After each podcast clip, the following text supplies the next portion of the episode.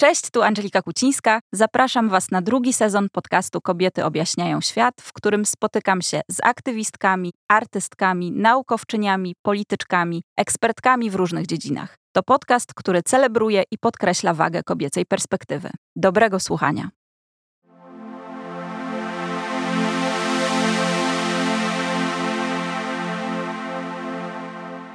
Cześć, dzień dobry, tu Angelika Kucińska. Zapraszam Was na kolejny odcinek podcastu Kobiety objaśniają świat. Y, to odcinek bardzo wyjątkowy, ponieważ powstał we współpracy z festiwalem mBank Nowe Horyzonty. Y, tegoroczna edycja festiwalu startuje 20 lipca, potrwa ta stacjonarna edycja do 30 lipca, natomiast y, edycja online aż do 6 sierpnia.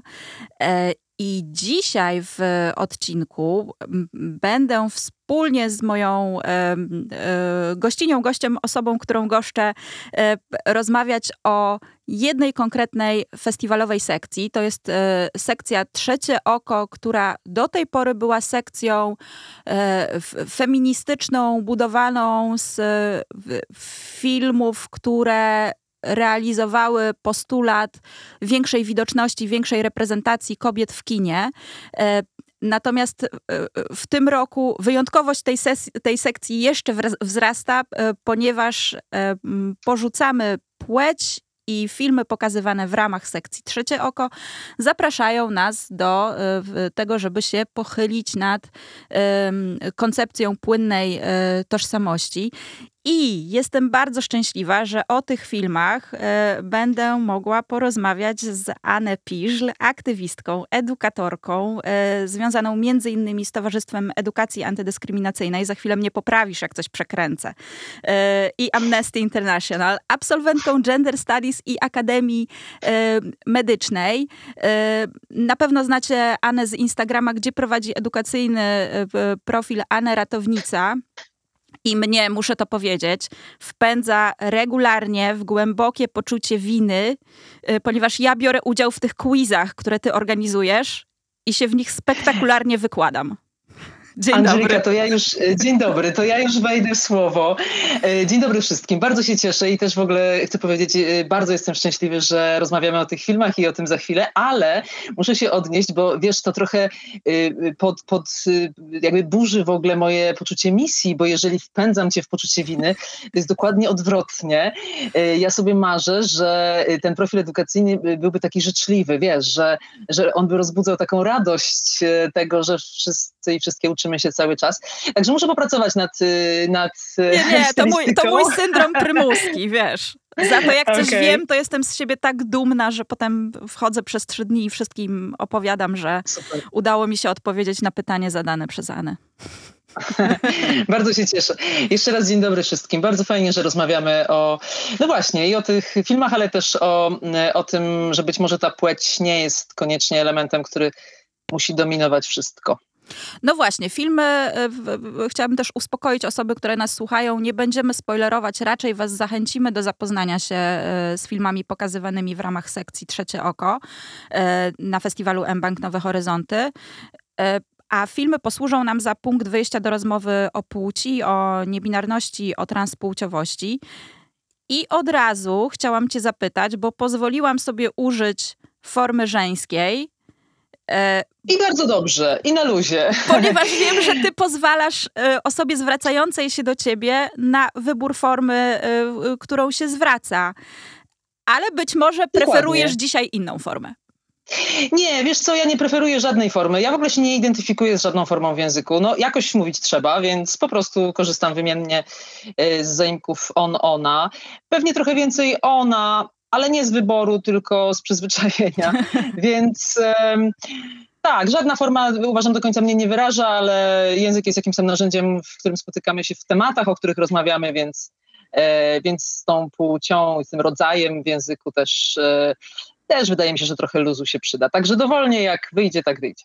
Chciałabym, przywołać tutaj cytat jednego z bohaterów filmu, jednego z filmów, o których będziemy rozmawiać. Mhm. E, Stafford, bohater, transpłciowy mężczyzna, bohater e, dokumentu e, Gendernauci, to jest dokument z 99 roku, mówi coś takiego, mniej więcej nie jest to dokładny cytat, że w zasadzie to nieważne, e, czy, czy ktoś się do niego zwraca per ona czy per on, dopóki go nie atakuje, nie obraża, e, nie ubliża mu. I o ile ja rozumiem motywację stojącą za, za, za tą wypowiedzią, to mam taką, mam trochę trudność z tym, ponieważ uważam, że być może dzisiaj, dwadzieścia kilka lat później, nie powinniśmy zgadzać się już na tego typu, wiesz, na takie minimum. Dopóki nie biją, to, to, to nieważne, jak do mnie mówią. Mhm. No, bardzo się cieszę, że tak, e, że tak to zauważasz. Wiesz, e, Oglądając ten, tych gendernautów i później, bo to może już możemy mm. zdradzić naszym słuchaczkom i słuchaczom, e, że też w, będzie można zobaczyć na festiwalu drugi materiał, nagrany właśnie 20 lat później z tą samą grupą osób e, transpłciowych, które pokazują, mówią, jak zmieniło się ich życie, jak ono wygląda 20 lat później. No i faktycznie z tego dokumentu, z zestawienia tych dwóch dokumentów, faktycznie może, może wynikać taka bardzo duża jednak ewolucja, być może w samych tych osobach, być może też w samym San Francisco, w którym rzecz się dzieje. Mm, natomiast wiesz, jak ja na przykład patrzę na przestrzeni 20 lat y, na swoje doświadczenie i na to, jak mi się żyje, czy żyło w Polsce, to no powiem ci, że niestety my jesteśmy wciąż trochę na tym etapie tego niezbędnego minimum. I to jest bardzo przykre, całkowicie zgadzam się z Tobą, że nie powinno tak być. Natomiast tak niestety mam wrażenie wciąż jest. Przy poziomie agresji, przy poziomie mowy nienawiści, y, szczucia teraz na osoby transpłciowe, mam nadzieję, że to nie skoncentruje naszej rozmowy na narzekaniu, bo też, y, też oczywiście to, to nie wyczerpuje tematu, ale jednak y, ta to, to, takie minimum, który, o które się upominam, wciąż nie jest wcale osiągnięte. Mhm. A który, który z filmów podobał ci się najbardziej? Orlando? Y, no, wiesz co, tak, zdecydowanie, y, chociaż to jest podszyte też po prostu moim, nie będę ukrywać, kompletnym crashem i moim zakochaniem w y, Presiado. To jest w ogóle moja aktualna wielka miłość i no i no siłą rzeczy też moje nastawienie do tego filmu było od początku takie, wiesz, z, z, od pierwszej sceny pełne zauroczenia, ale myślę, że to jest, to jest film, który no, bezwzględnie polecam i też jestem szalenie ciekaw, jak w ogóle ten film odbiorą osoby, które nie mają tego doświadczenia niebinarności. Bo to jest w ogóle bardzo ciekawe i myślę, że tutaj niczego nie zdradzimy, jeżeli powiemy, mhm. że film otwiera, pierwsza scena, to jest scena, w której Presiado mm, e, swoją drogą może, przepraszam, bo tak za, zakładam, że w tej rozmowie wszyscy wiedzą, a może nie wszyscy wiedzą, więc szybciutko Presiado to jest e, filozof e, płci, który jest osobą niebinarną e, i jest też autorem kilku książek, które naprawdę, po które warto sięgnąć, żeby sobie ten horyzont e, myślenia o płci też poszerzyć. No i Presiado w pierwszej scenie mówi, że tyle osób wielokrotnie pytało go, czemu nie napisze książki o e, swoim, takiej biografii, takiej książki wyłącznie o sobie, choć on oczywiście te książki swoje też pisze dosyć mocno, odwołując się do własnych doświadczeń. I mówi, Książka o mnie już powstała i to jest Orlando e, Virginia Woolf i to jest e, książka o każdej osobie niebinarnej, bo tyle mamy tych wspólnych doświadczeń, które faktycznie trochę są w tej książce i bardzo są w tym filmie. No i właśnie dochodząc do do tego mojego pytania, które mam w głowie i no pewnie nie poznam na nie odpowiedzi, bo niestety nie usłyszę od, od was, od państwa, jak, jak ten film odbierzecie. Natomiast e, wiesz, ja oglądam ten film i w każdej wypowiedzi, w każdej scenie i w każdym przywołanym cytacie z Virginia Woolf, ja po prostu no, no, też widzę to swoje doświadczenie. Po prostu mam szeroki uśmiech i myślę, no tak, no tak, to wszystko jest, są takie kody, wiesz, w takich nawet detalach, które tam są. Nie wiem, nawet w scenie, w której osoby transpłciowe w poczekalni u lekarza y, doradzają sobie, co powiedzieć, wiedzieć, żeby uzyskać receptę na hormony. Tak? Mhm. No to jest coś, co zna każda osoba transpłciowa, myślę. To jest jakieś takie wspólne doświadczenie. Um, albo um, um, te, te takie są tam takie wątki, też nie chcę za dużo zdradzać, ale o interpretacji swojego ciała, tak? Czyli czy penis jest męski, czy może być też penis żeński. Takie, mm-hmm. takie rzeczy, które myślę każda osoba y, transpłciowa czy niebinarna y, y, no, ma w swoim jakimś takim rozważaniu, w analizie, gdzieś, gdzieś to są takie bliskie tematy i zastanawiam się, czy osoba, która nie ma tego doświadczenia, oglądając ten film, faktycznie te wszystkie kody za, takie niuanse jest w stanie wychwycić i zauważyć. Oczywiście nawet jeżeli nie, to myślę, że wychwycić coś innego i coś ciekawego, co być może nie jest moim udziałem, więc w żaden sposób tutaj nie chcę, nie chcę tego ograniczać. Po prostu jest we mnie duża ciekawość, jak ten film różnie można odbierać przy, przy no jednak różnej tożsamości płciowej. Ja ci zaraz powiem, co, co w takim razie, co ja wyłapałam. E, film no. e, Orlando, ale tylko powiem, że film Orlando, moja polityczna e, biografia, jest absolutnie wyjątkowy, bo jest, e, to jest film, w którym osoby e, transpłciowe i niebinarne czytają, tak jak wspomniałaś, Orlando, Virginia Woolf, ale to czytanie Orlanda Woolf jest przeplecione z ich zwierzeniami, opowieściami o swoim doświadczeniu, w związku z czym ta granica między fikcją a rzeczywistością się mocno zaciera. To, co ja wyłapałam jako pierwsze, to jakiś rodzaj, bo tak, Presiado mówi, moją biografię napisała już Virginia Woolf, nie muszę jej pisać sam. Natomiast e, kilka razy w filmie e, powtarza się, i ja to odbieram jako jakiś, nie wiem, żal, e, że Orlando Wolf jest osobą, wiesz, z klasy uprzywilejowaną, z, w związku z czym, poza tym, no, zwyczajnie pewnego dnia budzi się w innym ciele, w innej płci. To doświadczenie, ten, jakby ten trud czy cierpienie wpisane w y, doświadczenie osoby transpłciowej nie wybrzmiewa z, z tej książki.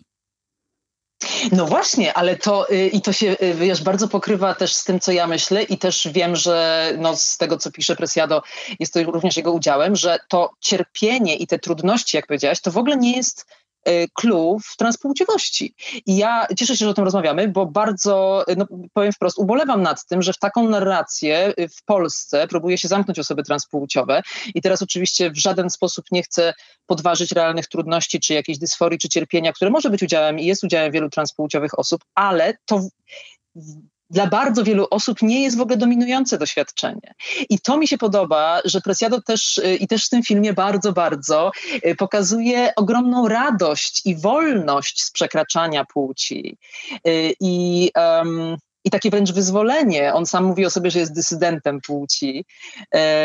I ta podróż przez płeć, bo też tę transpłciowość warto rozumieć nie jako takie po prostu przejście od A do B, tylko taką podróż, w której każda osoba też zatrzymuje się w miejscach, różnych miejscach po drodze, czasami ten wybiera to miejsce, żeby tam zostać, czasami podróżuje dalej.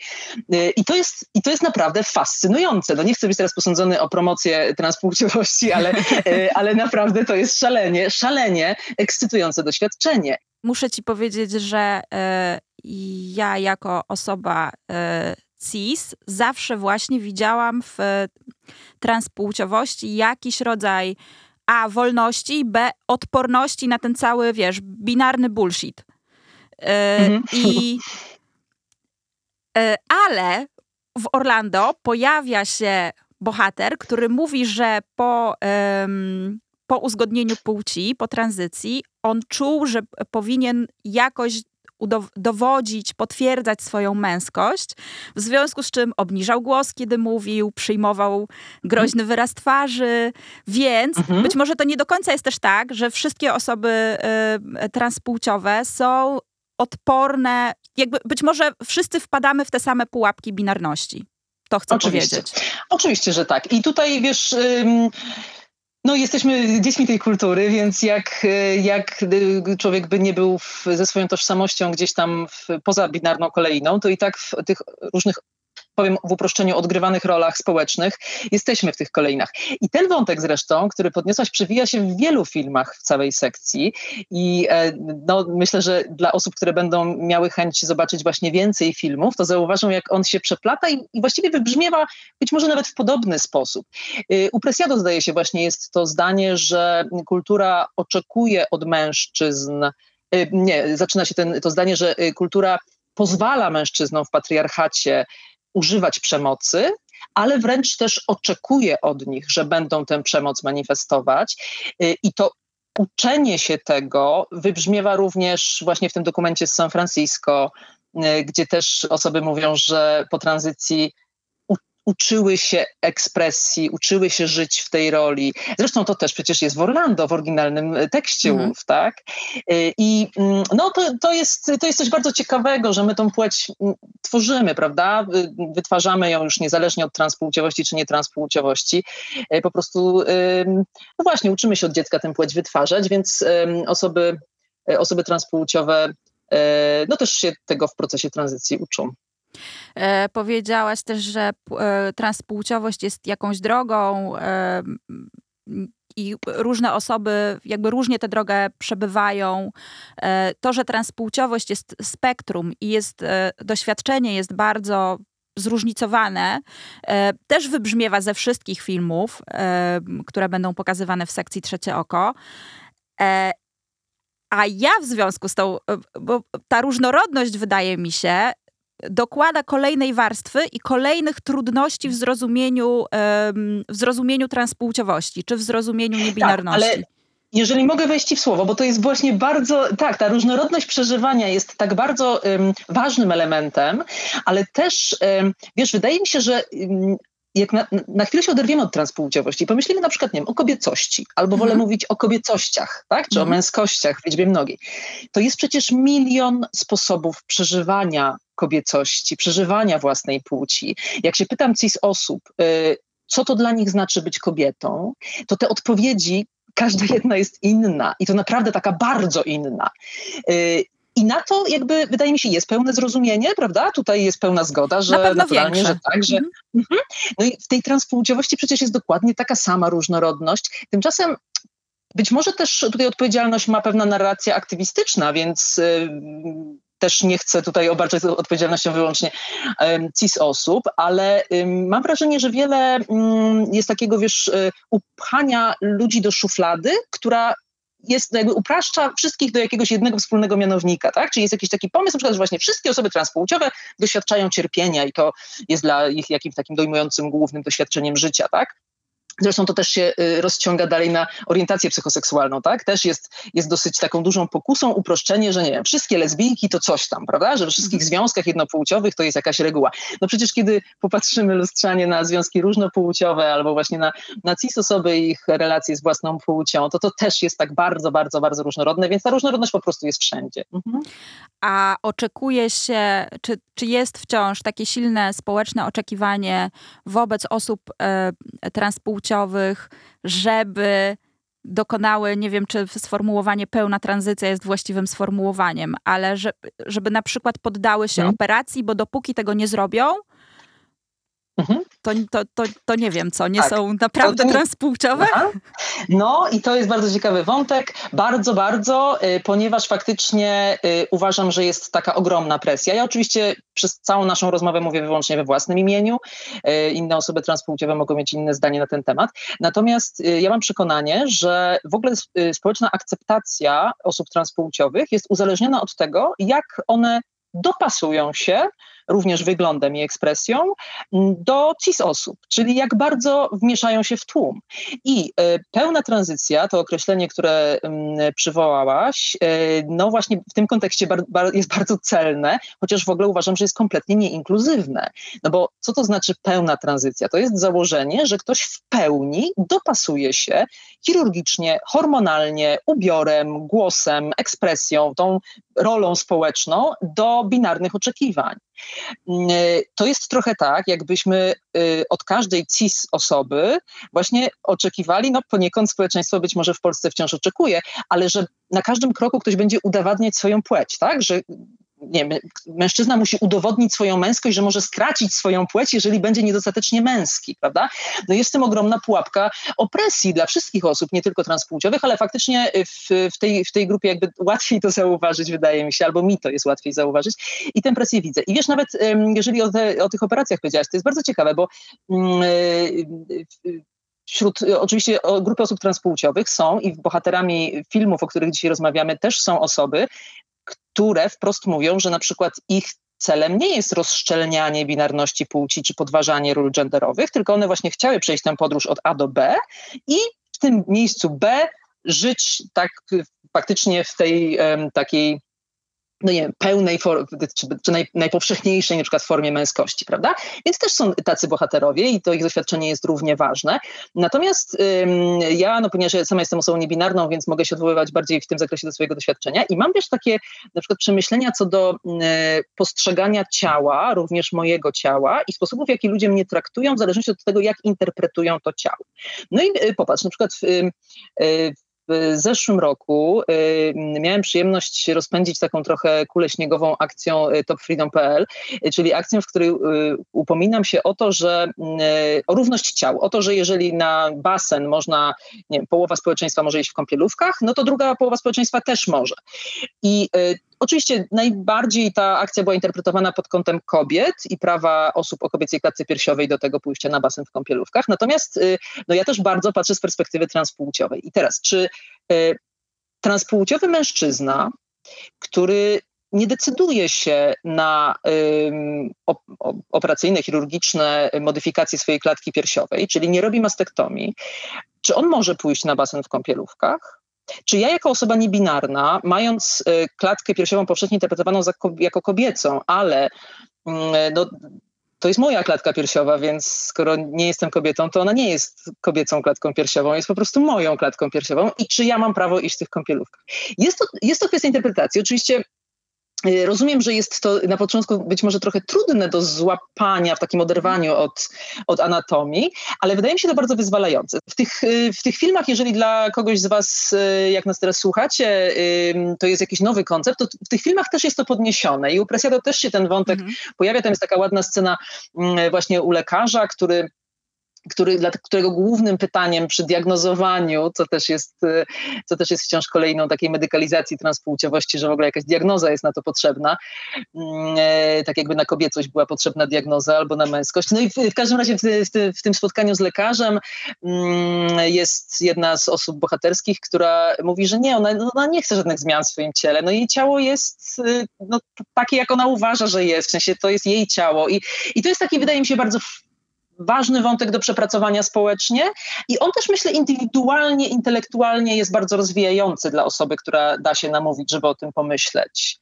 czyli tym, jak, jak postrzegamy inne osoby w zależności od, od, ich ciała. Zresztą, wiesz, ja myślę szeroko, bo też się zajmuję antydyskryminacją, że ten wątek, mm. co ciekawe, y, postrzegania ludzi przez ich ciało y, nie ogranicza się wyłącznie do płci, tylko też do innych cech, czarności, grubości i tak dalej. I y, to znalezienie w sobie tej przestrzeni na to, żeby traktować człowieka mm, e, jakby niezależnie od ciała, co też zaraz powiem, no nie jest do końca jakby mhm. celem samym w sobie, ale uwolnienia na chwilę człowieka od ciała jest wydaje mi się bardzo dobrym ćwiczeniem. Zresztą właśnie uwolnienie od ciała też przewija się w tym, wiesz co, w tym dokumencie yy, Generation, tak? To jest tytuł drugiego tak, tak. dokumentu z San Francisco.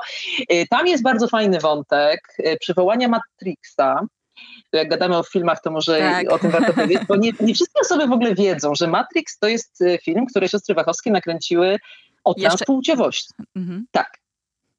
No i, e, i tam tych, e, tych elementów, jak się ogląda ten film ponownie pod tym kątem, bo oczywiście ja też muszę przyznać, że jak widziałem go w, no, w tej wczesnej młodości, to, to ja kompletnie, wiesz, nie miałam pojęcia również. Nie, w ogóle, co ty, to w ogóle zupełnie. No i, i potem faktycznie już mając tę wiedzę, oglądając ten film, on nabiera zupełnie nowego, nowego znaczenia mm, i zarówno pod kątem tego wyboru tego, czy chcesz dalej żyć w roli i mieć łatwiejsze życie, czy chcesz żyć w prawdzie, wiedząc, że zawsze po prostu no, gdzieś to jednak jest trochę skorelowane z takim odrzuceniem, niezrozumieniem i świadomością, że ludzie no jakby postrzegają rzeczywistość inaczej niż ty, mając, mając właśnie na przykład to, to um, doświadczenie transpłciowości. Ale tam też jest taki fajny, fajny wątek i to w Generation się pojawia, że y, to jest takie, że transpłciowość w ogóle jest doświadczeniem oderwania się od ciała.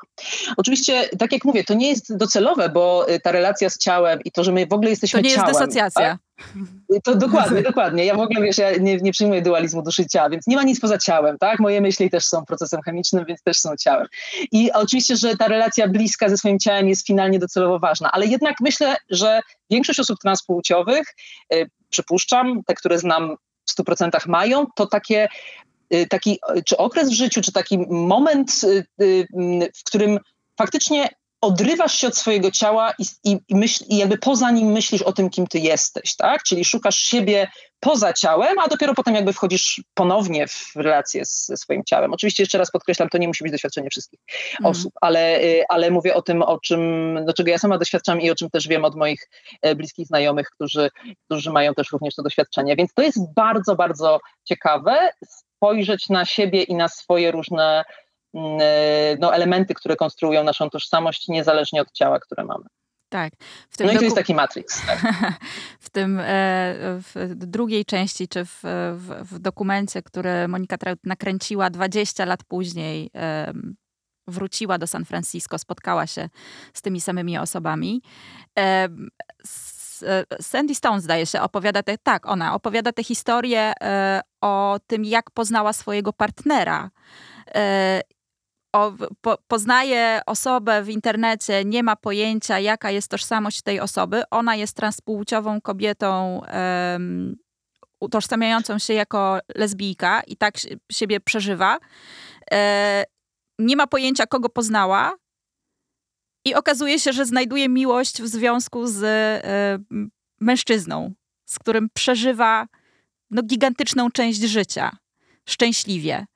E, I dla mnie na przykład ta historia, ty mówisz o potrzebie odłączenia się od ciała, a, i dla mnie ta historia była o takim w ogóle jakimś, wiesz, koniecznym odłączeniu się, czy koniecznym porzuceniu jakiegoś przyzwyczajenia, czy jakiegoś przekonania na swój temat, bo dopóki w nim tkwimy, pozbawiamy się, no, jakkolwiek y, pretensjonalnie i idealistycznie to nie zabrzmi, szansy na szczęście. Mm. No wiesz co, tutaj w ogóle y, myślę, że y, przeszkodą w tym, o czym mówisz i w, tym, że fajnie byłoby tak, y, no właśnie, pomyśleć, oderwać się może od tego, co myślimy o sobie na, na co dzień. Przeszkodą jest to, że narracja, i to właśnie również narracja o transpłciowości, czy o orientacji psychoseksualnej, jest taka, że to jest coś bardzo trwałego że to jest trwałe, stałe i przez całe życie. Nie? No i oczywiście nie chcę kwestionować doświadczenia osób, które tak mają i mają trwałe, stałe i przez całe życie. Natomiast to, że w, y, kultura nam podpowiada, że tak musi być, i że jeżeli ktoś, nie wiem, zaczyna się identyfikować y, jako kobieta, to znaczy, że zawsze był kobietą, była kobietą. No, dla większości osób tak ale dlaczego upieramy się, że dla wszystkich? Skoro ym, osoby, które zajmują się płcią przez wiele lat, takie teoretyczki płci jak Bornstein czy jak Butler, y, zaczynają się identyfikować inaczej w wieku na przykład 50 lat, no to y, sugerowanie im, że w takim razie przez całe życie nie odkryły swojej prawdziwej tożsamości, wydaje mi się jednak no, trochę ignorancją.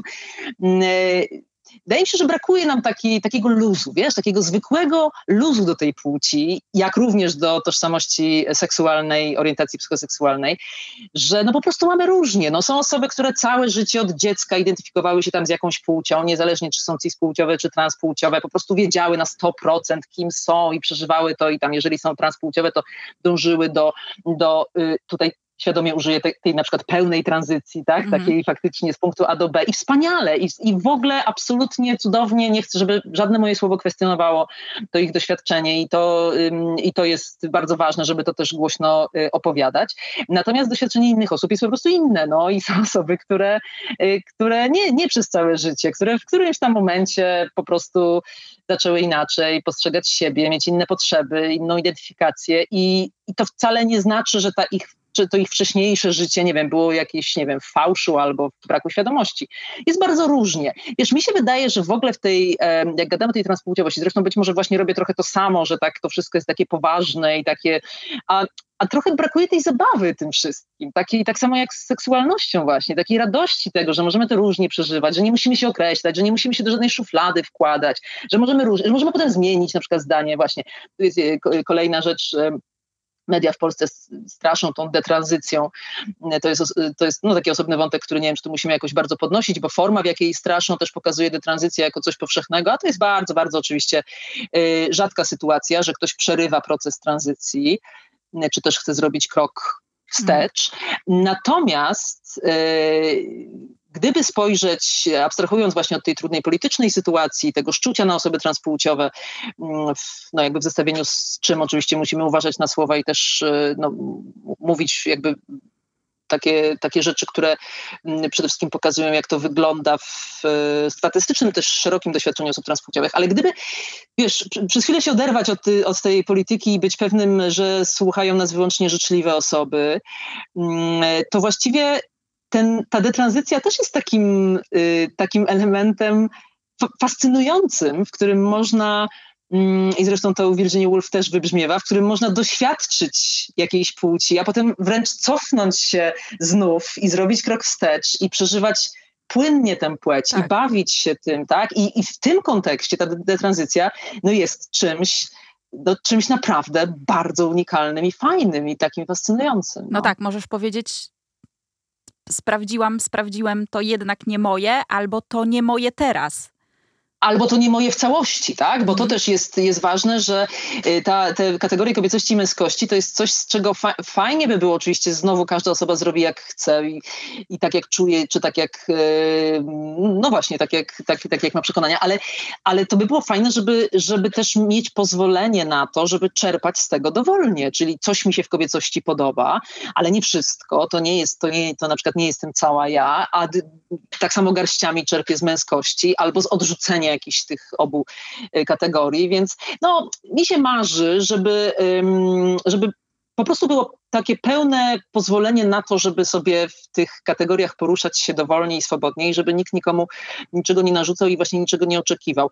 I, i dalej myślę, że większość osób y, świetnie będzie funkcjonować w takim miejscu, w którym są, tak? Czyli to rozszczelnienie nie spowoduje, że od razu wszystkie osoby będą odrzucały swoje jakieś dotychczasowe e, miejsce na, w, w, w, tym spektrum płci. Myślę, że tak się nie wydarzy, ale danie sobie większej wolności wydaje mi się, że spuszcza powietrze, wiesz, z całego tego na, napiętego e, balonika, w którym jesteśmy mówiąc o transpłciowości. No, mhm.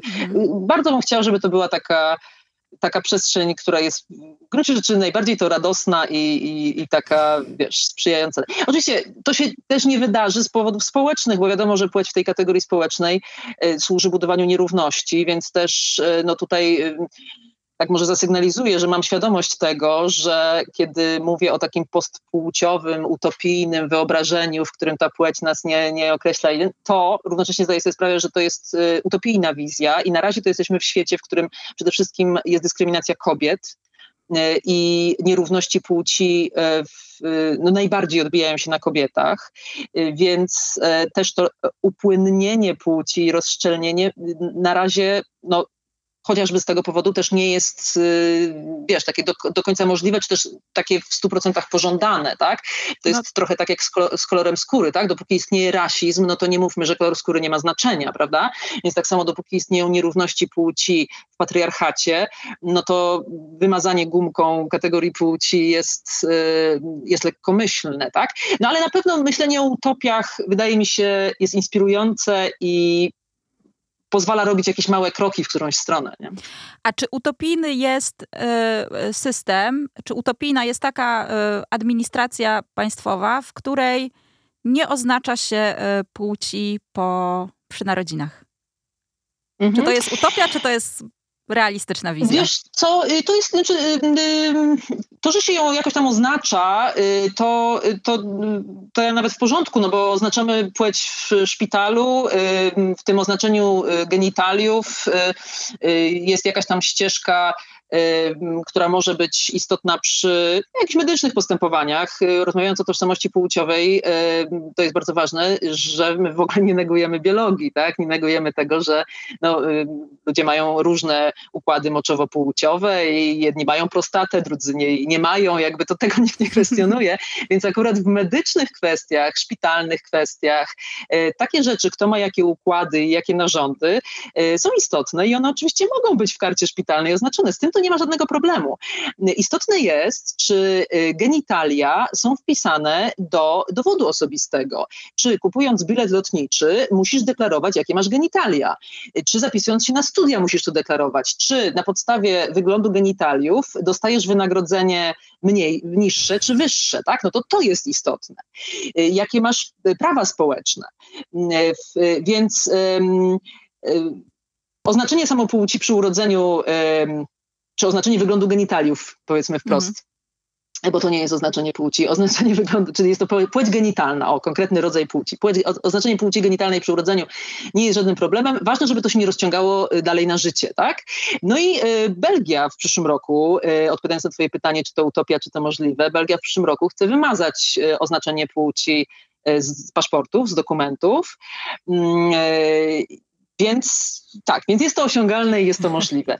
Byłoby wspaniale, żeby, żeby te elementy anatomiczne po prostu nie, roz, nie, nie rozciągały się na nierówności i na, i na życie. Nie?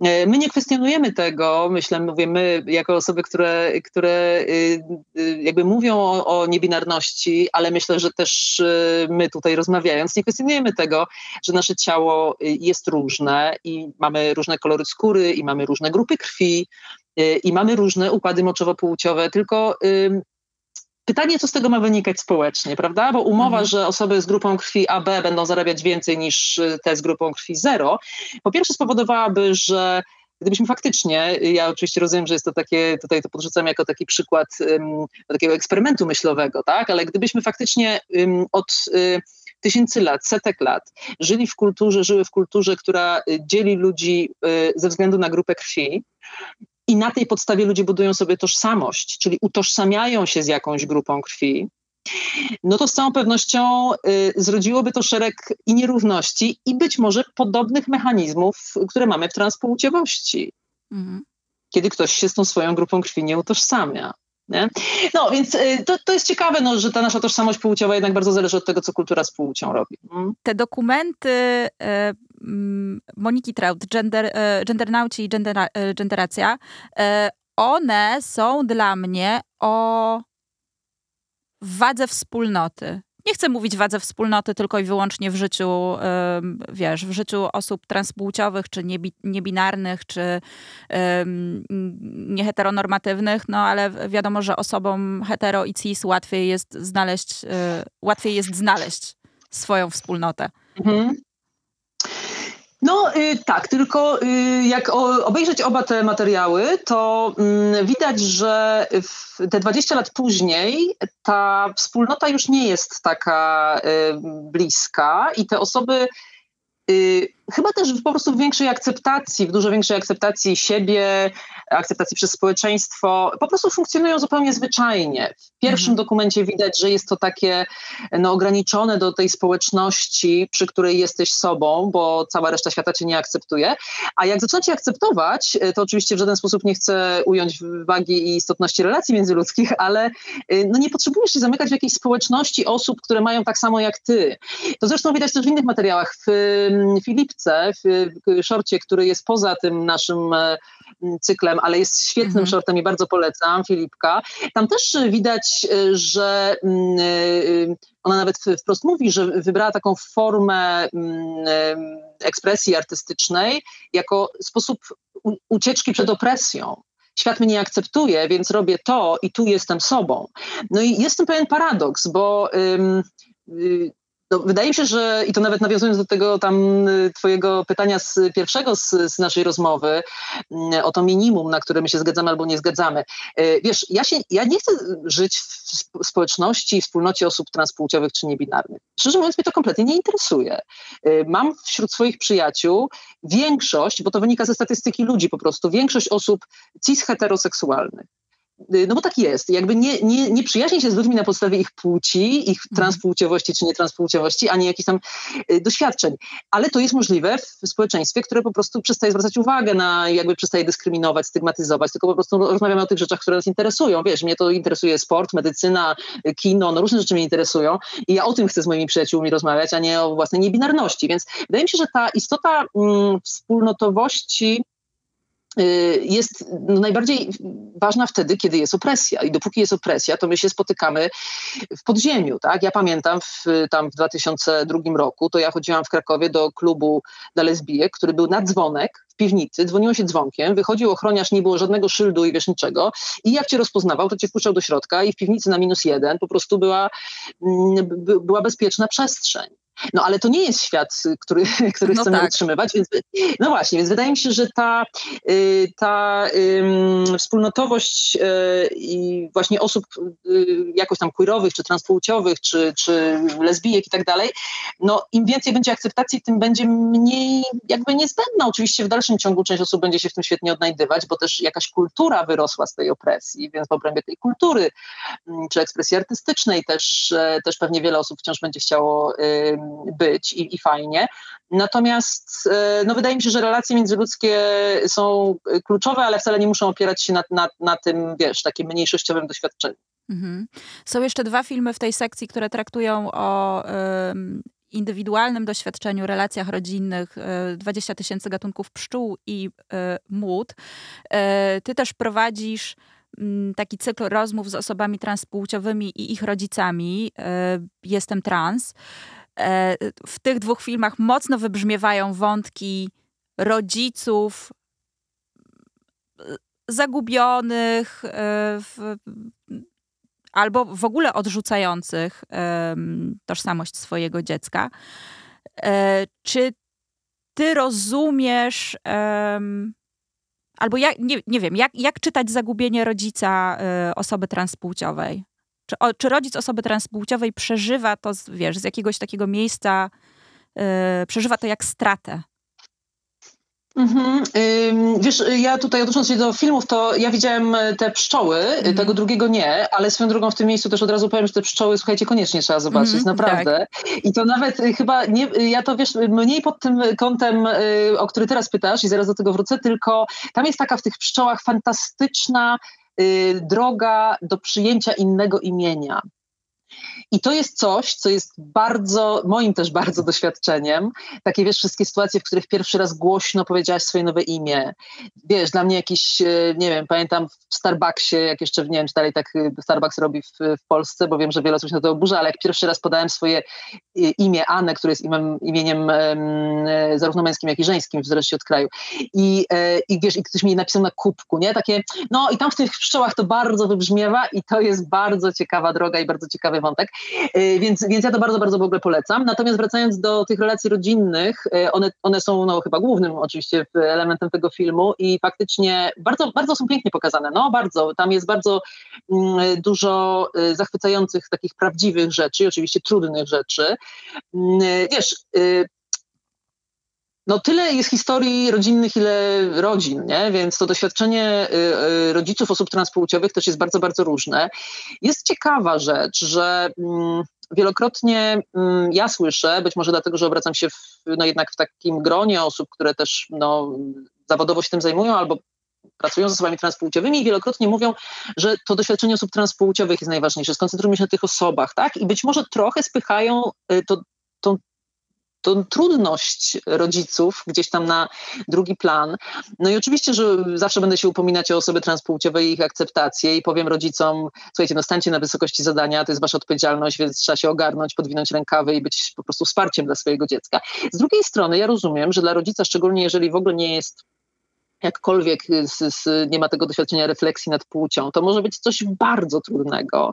I to jest ciekawy moment, w którym um, on jakby zaczyna, no jakby stoi, stoi przed, przed faktem, że y, patrzył na swoje dziecko do tej pory z innej perspektywy i to wciąż ten sam człowiek, ale dla niego jest to bardzo duży zwrot w postrzeganiu, w relacji, to też pokazuje, jak bardzo nas ta kultura w ogóle w ten płeć w, wkręca, no bo przecież to jest dalej to samo dziecko, tak? Ale bardzo dużo rodziców, i jak faktycznie z nimi rozmawiam, mówi o tym, że y, to było doświadczenie wręcz, y, nawet jedna mama użyła określenia y, jakby ponownie zajścia w ciążę i urodzenia nowego dziecka. Czyli że też potrzebowała tam około 7-9 miesięcy na to, żeby w ogóle oswoić się z tym i za zacząć jakby tak inaczej postrzegać tę sytuację, mm, y, czy tą relację. Y, więc y, mm, wiesz, dużo, dużo rodziców mówi o tym, że jest to jakaś strata tej, tej mm, no, no, właśnie nie dziecka, ale tej, tego postrzegania tego dziecka i, i przyzwyczajenie się do nowej roli tych wszystkich rozmowach, y, wiesz, ja żałuję, że no, y, w oczywisty sposób jesteśmy w stanie dotrzeć wyłącznie do rodziców, którzy chcą o tym opowiadać, więc są to jakoś tam rodzice wspierający, tak? I nie wybrzmiewa to zagubienie rodziców, którzy nie wiedzą, jak sobie, naprawdę kompletnie nie wiedzą, jak sobie z tym poradzić. No oni się nie zgłaszają do projektów, w którym mm. mogą opowiedzieć o swoim transpłciowym dziecku, więc nie słyszymy tych najtrudniejszych y, historii, słyszymy je tylko z relacji dzieci, czy osób, które nie mają, nie mają więzi ze swoimi rodzicami. Natomiast zajrzenie w głąb tej, tej rozpaczy, czy tego wyparcia, czy tej niemożności, wiesz, przyjęcia do wiadomości, że po prostu no, swoje dziecko jest innej płci niż ci się wydawało i wiesz, no co, co, za, co za wielki jakby, wielka katastrofa, to, to, no, to, to też by było ciekawe, ale, y, ale w tych rozmowach faktycznie... Mm, myślę, że ten element y, takiej straty czy pogodzenia się z tym, a potem radości z nowej relacji jest, jest częsty. Mhm. Właśnie w Mód, którego y, nie zdążyłeś zobaczyć, jest taki, mhm. taki wątek. Um, młody, młody transpłciowy mężczyzna y, czeka na wizytę ojca. Rozmawiają przez telefon na dzień przed y, odebraniem ojca z lotniska i on mówi, że przyjadę po ciebie, będę czekał. I ten ojciec, który zobaczy go pierwszy raz, po, no, po zmianie. Mhm. Mówi, ale przecież ja cię w ogóle nie poznam, ja cię nie poznam. Ja, ja, nie wiem, jak, jak ty teraz wyglądasz. I ten bohater odpowiada, ale jak to mnie nie poznasz? Ja jestem tą samą osobą. Mhm. I no wiesz, no tu wjeżdża to przekonanie, że. Um, wszystko się że, zmieni. Że wszystko się, tak, że wszystko tak. się e, zmienia, mhm. dokładnie. Mhm. No tak, to też, to też y, taki bardzo częsty wątek w tych rozmowach z rodzicami. Jedna y, mama na przykład też opowiadała, że kiedy jej syn powiedział właśnie, że, że jest facetem, że, że czy jest chłopakiem, to zapytała go, ale słuchaj, czy ty nie, nie, nie zgubisz tej swojej wrażliwości, którą zawsze miałeś, czy nie przestaniesz być taki czuły, nie? No i to też, e, że wiesz, to też nie jest pozbawione sensu, bo to, co rozmawialiśmy wcześniej, że jednak uczy się człowiek odgrywania jakiejś nowej mhm. roli i ten patriarchat ma jakieś oczekiwania wobec ciebie, no też może spowodować oczywiście zmianę, czyli z jednej strony jest to to samo dziecko, no ale jako ludzie się zmieniamy niezależnie od transpłciowości przez całe życie, no więc takie doświadczenie też bardzo zmienia. To też nie ma, nie ma co mówić, że ta osoba w ogóle nic się nie zmieni, tak? Natomiast no, to jest jednak przede wszystkim wciąż ta sama osoba, więc ta zmiana nie jest taka, wiesz, z dnia na dzień mm, radykalna, tak. No dobrze, już kończąc y, powoli, y, przywołam to te, te piękne zdania z Orlando, które też odnoszą się do y, potrzeby i wagi y, reprezentacji y, transpłciowości i niebinarności w popkulturze.